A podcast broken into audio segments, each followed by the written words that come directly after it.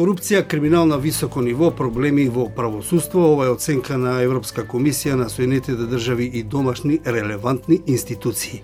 Во здравството недостикаат лекови, во образованието учебници и пред се што бидна сона нема правда, нема мир, со слоганот на шарената револуција која гурна режимот на Никола Груевски пред 6-7 години оваа најава ги офаќа, ја офаќа целата состојба, причините и последиците и алудира на решенијата. Прво тоа што се случува а, секојдневно што го гледаме во споменавте здравството, образованието, а, на улиците, тоа се се последици од а, а, корупцијата последици од а, прво недомакинското работење со јавните пари, потоа крадењето на јавните пари и а, нивната а, секојдневна злоупотреба, А слоганот што го кажавте, каде се загуби нема правда, нема мир, а, од прилика значи дека корупцијата ни се повторува и зема замав, затоа што нема правда, затоа што ретко слушаме дека некој е казнет за корупција. И знаете она позната формула за корупцијата дека таа е голема кога а, ризикот е мал, тука ризикот да украдете нешто и ризикот да одите во затвор, односно да одговарате и да ви ги земат украдените пари, се сведува практично на нула. Значи, корупцијата кај нас е високо исплатлива и ниско ризична дејност. Таа е дејност веќе затоа што е широко распространета, многу луѓе се вплеткани, се занимаваат со неа и а, нема никакви последици по а, нивниот живот, по нивните работни места, по нивната благосостојба и така натаму. Последиците се таму од каде што парите се земени. Требало да одат, но се земени, украдени на еден начин. А, лоши патишта, 5 километри пат се прави 5 години. Дали е тоа можно? Сите се прашуваме дали е тоа можно 5 километри пат да се реновира 5 години. Не од темел. Имаше една реклама Македонија и се е можно, но за тоа потоа... За жал таа беше реклама како за може би позитивно, меѓутоа сите сега си ја повторуваме во овој контекст во кој што зборуваме. А, болниците и, и здравството се места каде што сите сме упатени и образованието и за тоа ги, ги чувствуваме толку последиците. Веројатно, многумина од вас го познавте гласот на Герман Филков, новинар, истражувач и сега начело на Центарот за граѓански комуникации. Нему му посакувам добар ден. Добар Оздравели. А ете се, крепам некако. Добро, кога се договаравме за разговорот, што ми го одложи вака при крај, а, беше доста болен, сега гледам си Арен, па се надам дека и вака ќе продолжиме во, во таа насока. А, имаат ли ефект овие сите извештаи и црни листи на бизнисмени, на политичари што ги прават и Соединетите држави и Европската комисија во нивните редовни извештаи? Јас мислам дека имаат. Замислете да ги нема тие притисоци на еден начин. Тоа се се притисоци сите ние добро знаеме каква е состојбата, каква е корупцијата, што некои велат, а сега они ли ке ни кажат каква е. Да, ке ни кажат и ние кажуваме и кажуваат и другите, а, затоа што на тој начин а, се, се врши притисок затоа што а, корупцијата не може да се реши поинаку, освен прво ако не се обелодени. Нели за корупцијата тајновитоста е а, најдобар а, фактор за да може да да цвета корупцијата и сите вплеткани во во корупцијата имаат а, значи а, во нивен интерес е тоа се да остане тајно. Кога ќе се обелодени тоа, Тоа е прв чекор за, да кажам, борба против корупцијата и а, а, извештаите црната листа. Црната листа што е? Само кажуваат а, кои луѓе е птен се корумпирани и за кои луѓе а, државата не презела, значи механизмите, системите во државата за борба против корупција не не дале резултати. Меѓутоа, дел од тие луѓе се уште се на позиција на власт, имаме градоначелник на градот, општината Струга, вака за, за, за граѓанството, да речем, се чини дека нема ефект. А, тоа е сега вака, а, пак ќе кажам. Да. Прво, а, тие што се на за навистина да ве стават на црната листа, треба да навистина многу да имате сгрешено и не очекувам од луѓето што се на црната листа па да имаат толкава свест да речат ајде, а, срамота е ќе си дадам оставка. Не очекувам. Тоа што очекувам е преземање на системски мерки. Се најави еве некаков закон дека ако некој е на таква листа, дека не ќе може да се занимава со јавна функција, ќе ги изгуби поволностите и така натаму. Тоа е завоиднина. И исто така црната листа ја сваќам и како една превентивна мерка, затоа што нема да се осудат да го прават истото што го направиле овие што се на црната листа. Инаку, кај нас одамна јавниот срам не е да кажам, не е срам, не, не е срам, не е мерка за за спречување на нешто, така што меѓутоа срамот е тука, човекот или луѓето се на црната листа, е сега, освен со државата, замислете имате приватна фирма и доаѓа да почнете бизнис човек што е фирма на човек што е на црната листа. Па имаме и такви примери. Да, меѓутоа во приватниот сектор не знам дали ќе почнат бизнис од таа фирма. Секој си го штити капиталот секој си го штити реномете, репутацијата во бизнис светот. Така што тоа е за воиднина, пак ќе кажа. Може би е заработена црната листа во минатото, меѓутоа последиците треба воиднина да ги чекаме. Герман, вашиот Центар за граѓански комуникации, меѓу другото, мониторира јавни набавки, тендери, процедури, има проекти чија цела да се зголемат ангажманот и борбата против корупцијата што ќе доведе до подобрување, сега цитирам да. од вашиот вебсайт, на владината реакција и ефективноста во справувањето со корупцијата во сите сектори на национално и локално ниво. Има има ли ефекти од ова вие што го работите? Има ефекти, иако а, постои една а, интересна работа што а, еден ден да не правиме нешто, веќе сме изгубиле многу многу нешта. Значи борбата е секојдневна. А ако денеска а, еве да тргнам неколку години наназад на кратко, од се тоа што го работевме во многу полиња во кои што бевме активни, бевме поканети да учествуваме во новите закони, регулативи, подзаконски акти што се правеа во неколку области. Јавни набавки, пристап до информација од јавен карактер, спречување на, на корупцијата, национална стратегија за борба против корупцијата, план за отворено владино партнерство и да не ги бројам сите, транс, стратегија за транспарентност на владата и така натаму а, секаде се обидовме да вметнеме а, плюс механизми, плюс алатки, плюс брани за спречување на корупцијата. Колку ние секојдневно да го а, намалуваме просторот за корупција со зголемена транспарентност, со барање отчетност и одговорност, тоа секоја мерка е многу краткорочна затоа што веќе за ден-два се наоѓаат нов простор, нови а, нови а, начини, не би рекол дупка во законите, затоа што законите, замислете, сите закони се да пропишуваат. Нема такви закони на светот. Законот секогаш вели законска рамка.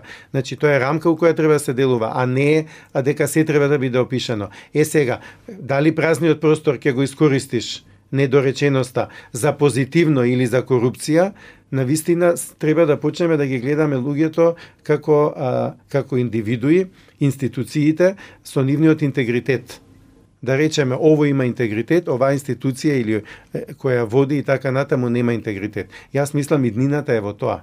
Мора да а, покажуваме кои луѓе направиле лошо, а кои луѓе направиле добро.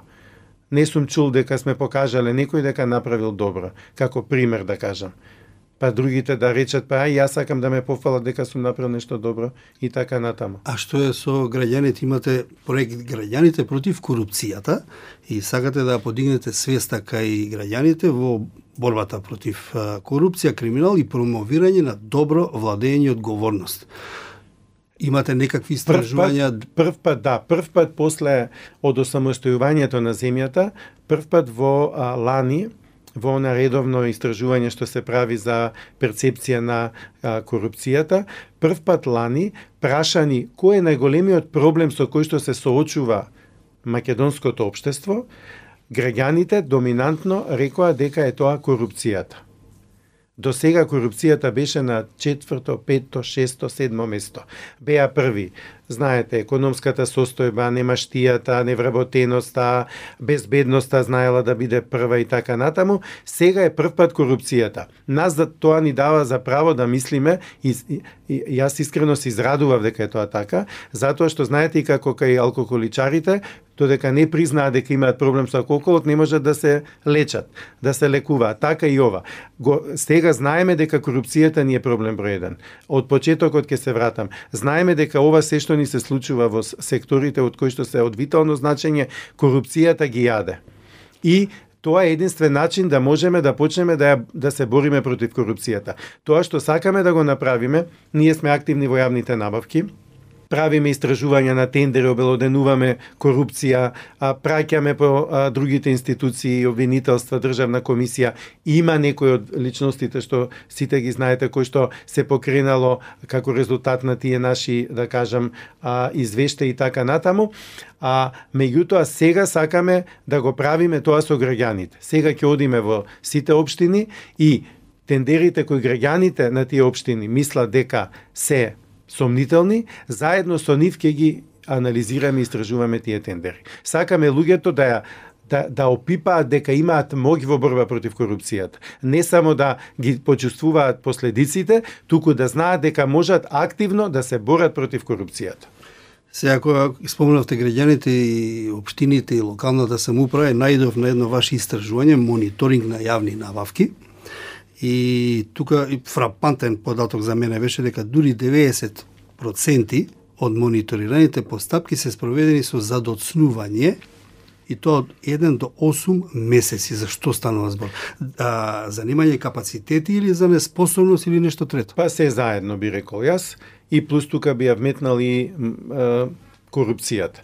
А секоја институција изработува до 31 јануари во годината годишен план за јавни набавки кој што се објавува, кај што пишува кога планира што да набави, се смета дека освен тоа што за институцијата е нели планот во економија е инструмент за менеджмент, за добро менеджирање на времето на нели што во кој месец ни треба и така натаму, меѓутоа планот е и за бизнис секторот да знае да се спрема кога некоја институција ќе има поголем тендер, пома, не знам, може во јули сака да, напра, да набави нешто големо, па да не одиме на одмор, да го чекаме тендерот и така натаму. 90 насто институциите не ги почитуваат роковите ставени во овие планови кога ќе ја спроведат набавката. Тоа значи за лошо планирање, тоа значи а, дека може би немаат капацитети, но може би значи и дека им треба малце повеќе време за местење на тендерите. Значи се заедно а, одава една лоша лоша слика затоа што Знаете, само кратко, набавките имаат планирање, спроведување и реализација на договорот. С тие три фази. Во сите три фази имаме ризици огромни од корупција. Во првава фаза, неспроведување на планот, сегде во светот се смета дека е една од најцрвените точки знамиња што треба да не да не предизвика да бидеме будни за тие тендери. Е сега замислете вие 90 на 100 не се спроведуваат, значи треба да бидеме будни за сите тендери. И посочуваш и медиумите како еден од партнерите во борба против сите овие криминали и неправди. Ти си новинар и од тоа тешко се бега. Како ја оценуваш посветеноста на медиумите во битката против корупцијата и криминалот? А, тоа ова е тешко прашање, знаев дека нешто слично ќе ми биде поставено, а, затоа што м, медиумите имаат а, а, прво нема да зборуваме за состојбата во медиумите, таа е каква што е. Гледаме што, во таа состојба да видиме што може. Ние медиумите ги сметаме како партнери а, во две во два правца. Првиот е имаме годишно по 1000 објави на нашите истражувања во медиумите. Медиумите а, сваќаа дека е тоа а, релевантна, добра, а, а, да кажам, добра информација, а вредна за да ја понудат на својата публика од сите видови медиуми. Второ, медиумите а, имаме соработка, служиме како еден, да кажам, сервис за медиумите, секој што сака да истражува буџети, трошења, јавни набавки, транспарентност, ни се јавува, ние за нив знаеме да направиме за кратко време добра анализа, да им собереме бројки, што тие ќе потрошат повеќе да, време. Да, тоа е вашата улога, да ја, ја олеснувате ја олеснувате. улогата на медиумите не може, значи медиумите се клучен фактор во борбата против корупцијата со откривање, со известување за корупцијата. Знам дека сите медиуми немаат привилегија да се голема редакција, да можат време да истражуваат, меѓутоа можат да известуваат не, макар тоа било и на дневна основа во дневните а, оние да кажам поповршни информации, така во вести, во а, некои а, кратки дневни а, дневни и информативни не знам продукти кои каков какви има.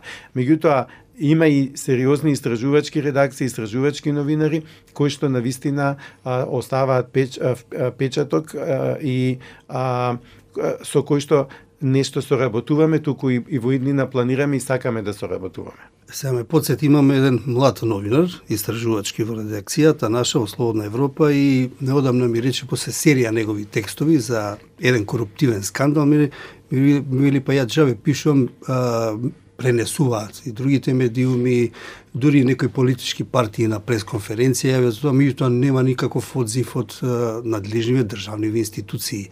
Го делиш ли тоа чувство или? А тоа е че и, и јас го имам тоа чувство за нашите истражувања, меѓутоа никогаш не се знае би рекол. И тоа е еден израз така, меѓутоа го храбрувам да продолжи така и да види дека нешто сепак некогаш може би ќе се случи, затоа што и од нашите и од нашите истражувања гледам дека а, после 2-3 години ќе се јави некоја информација во медиумите дека обвинителството отворило истрага, која ќе видам, а тоа е пред 2-3 години што сме го работеле или објавиле. Им треба време, не дека ќе сите а, истражувања ќе бидат преземени од институциите, тоа ни е најголемата болка, неказнивоста, нели ја кажавме, неказнивоста главно е поради според мене недоволната слабата работа на на обвинителството, потоа за судството да не зборувам, а, кога ќе влезат во, во, таа, во таа процедура. Меѓутоа, знаете како, сега 21 век малце се бара сите да ги прошириме своите како да кажам, а, своите а, действувања како обштествени фактори. Јас не би се двоумел ниту срамел да сум како тој новинар, а, па да ги испратам убаво комплетирано а, сите текстови што сум ги пишувал на адреса на обвинителството затоа што обвинителството вели нели по допрен глас, може не допрело до нив тој глас, па за да бидам сигурен дека ќе допре, и ние ги испраќаме на адреса на новинителството. Знам дека тоа новинарот, новинарите сметаат дека може би не е нивна улога, крајно, меѓутоа реков, борбата против корупцијата во окура распространета бара секој од нас да направи чекор плюс. Во меѓувреме претежно а, младите работоспособни се иселуваат, да не речам бегаат од држава, меѓутоа тоа е така, веќе е епидемија станато. И ова прашање му го поставам речиси на секој свој соговорник, веројатно веќе сум во тие години кај што ме боли кога гледам дека младите си одат имали надеж дека ќе се оправат, работите еден ден, еден убав светол ден и дека земја ќе стане членка на Европска унија или ајде да ги достигне барем, барем дел од стандардите за живот на една просечна европска земја? Исто така тешко прашање, не сум јас најпесимистот, најоптимистот со кој што може да се разговара за за ова или да дадам некој позитивен одговор. Јас мислам дека драматично подобрување на состојбите не се можни, драматични. Може би во известен до известна мера да се подобрат.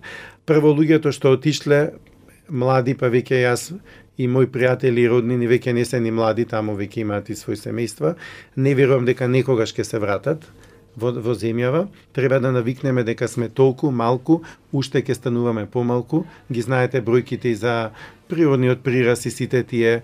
Не сме единствена земја, не сме изолирана во тој дел. Меѓутоа, ќе се охрабрам да кажам една, ќе се осмелам да кажам една храбра изјава дека мислам дека ни треба само една 4 годишна чиста власт еднаш да се случи за да за да ги поставиме работите како треба и може да бидат, па потоа потешко е да се да се искривуваат од таа една основа ако бија. Ние никогаш не поставивме една здрава основа дека вака треба да бидат работите. Секогаш во од ги решаваме, а, секогаш на дневна, па дури на часовна реакција. Денеска е, па сетете се што било во во пето кои биле темите. Денеска речи си ни една тема веќе не ни е релевантна, оти имаме нови пет фрапантни теми за за дискусија. Така што само една таква еден период на на на добро владење ни треба за да можеме да да а, како основа да дека можеби работите ќе тргнат нанапред. Тоа беше Герман Филков во подкастот Зошто кој самиот за себе рече дека е песимист, меѓутоа оптимистички некако го заврши овој разговор. Ти благодарам што беше наш гостин. Благодарам јас. Слушајте не, следете го подкастот Зошто на Слободна Европа и на Spotify, YouTube, Apple и Google Podcast. Кликнете на Зошто и давајте ни идеи и теми кои сакате вие да ги слушате, а ние ќе прашуваме преку нашите социјални мрежи. Со вас беа Дејан Балаловски и Зоран Ќука.